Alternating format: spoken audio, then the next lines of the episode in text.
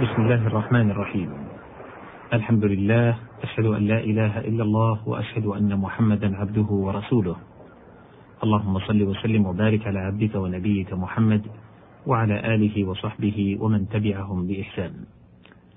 أيها المستمعون الكرام أيتها المستمعات الكريمات السلام عليكم ورحمة الله وبركاته. أحييكم تحية طيبة مباركا فيها في مطلع هذا اللقاء.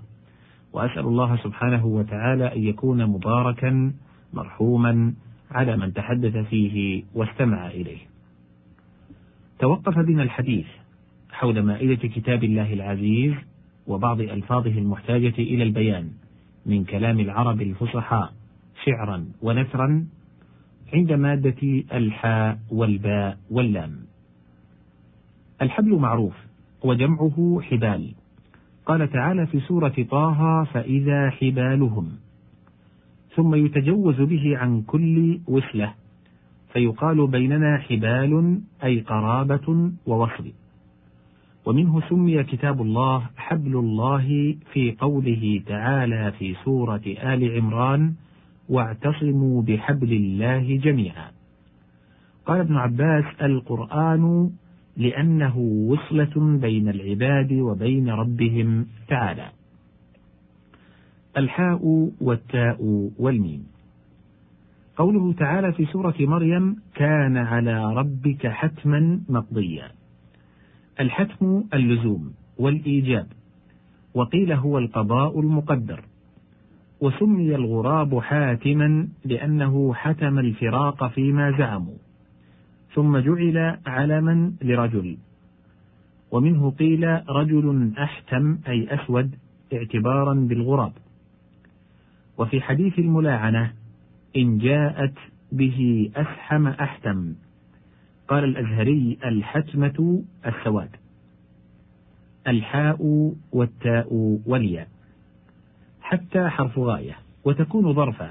نحو قوله تعالى حتى مطلع الفجر.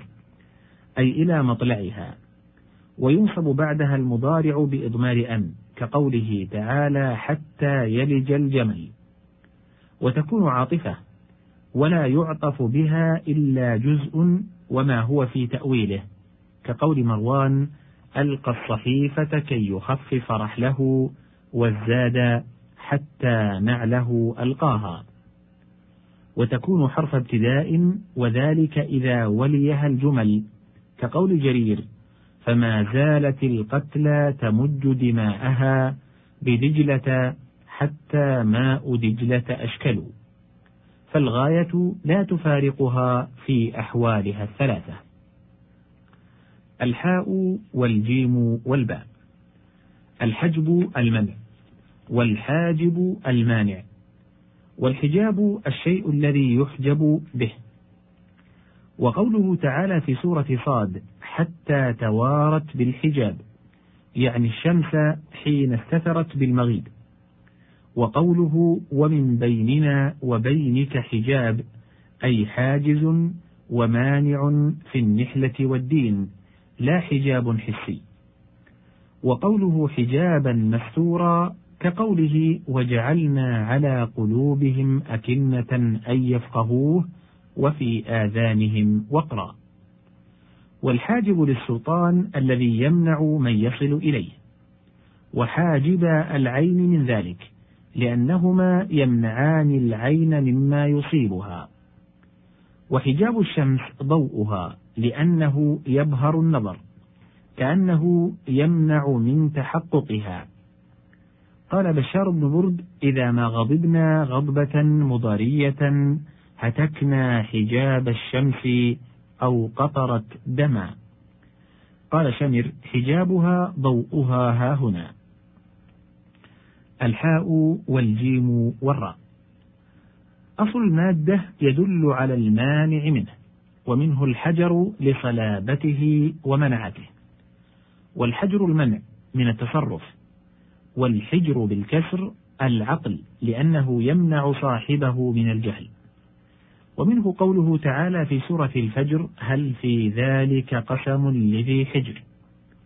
وقوله تعالى حجرا محجورا أي حراما محرما. والحرمة المنع.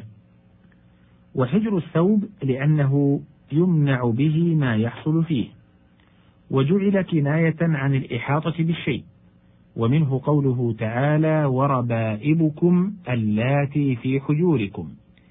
أي في إحاطتكم عليهن أمرهن. وقوله وحرث حجر أي ممنوع. وذلك ما حرموه من تلقاء أنفسهم كالسوائب والبحائر وما أعدوه من زروعهم للأصنام. والحجرة في البيت لما حوط به عليها من الدار. قال تعالى من وراء الحجرات. أو لأنها تمنع من فيها. والأول أشبه فإنها فعلة بمعنى مفعولة نحو الغرفة. وفي الحديث لقد تحجرت واسعا أي ضيقت. والحجر والتحجير أن يجعل حول المكان حجارة. يقال حجرت الشيء حجرا فهو محجور وحجرته تحجيرا فهو محجر.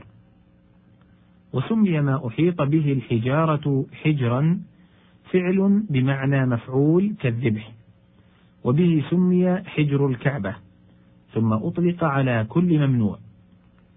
والحجر الأنثى من الخيل قال المبرد يقال للأنثى من الفرس حجر لكونها مشتملة على ما في بطنها من الولد. قيل وتصور من الحجر دورانه فقيل حجرت عين الفرس إذا وسمت حولها بميسم وحجر القمر صار حوله دائرة. ومحجر العين منه. واستحجر الطين وتحجر تصلب صلابة الحجر. والأحجار بطون من تميم. سموا بذلك لقوم منهم أسماؤهم جندل وحجر وصخر. الحاء والجيم والزاي.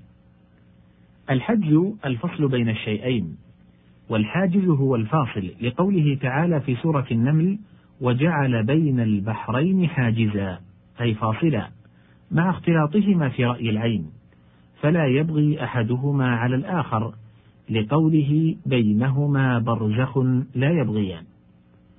وقيل الحجز كالحجر معنى ومنه قوله تعالى وجعل بين البحرين حاجزا. فهذا كقوله تعالى في سورة الفرقان وجعل بينهما برزخا وحجرا مستورا. واستحجز بإزاره أي شده عليه. ومنه حجزة السراويل. وأخذت بحجزته يضرب لمن خلصه من شدة. وفي الحديث أخذت بحجزته من النار. وفي المثل إن رمت المحاجزة فقبل المناجزة. تفسيره إن رمت المسالمة فافعل ذلك قبل القتال. الحاء والدال والباء. قوله تعالى في سورة الأنبياء وهم من كل حدب ينسلون الحدب النشز وهو المرتفع من الأرض كالإكام.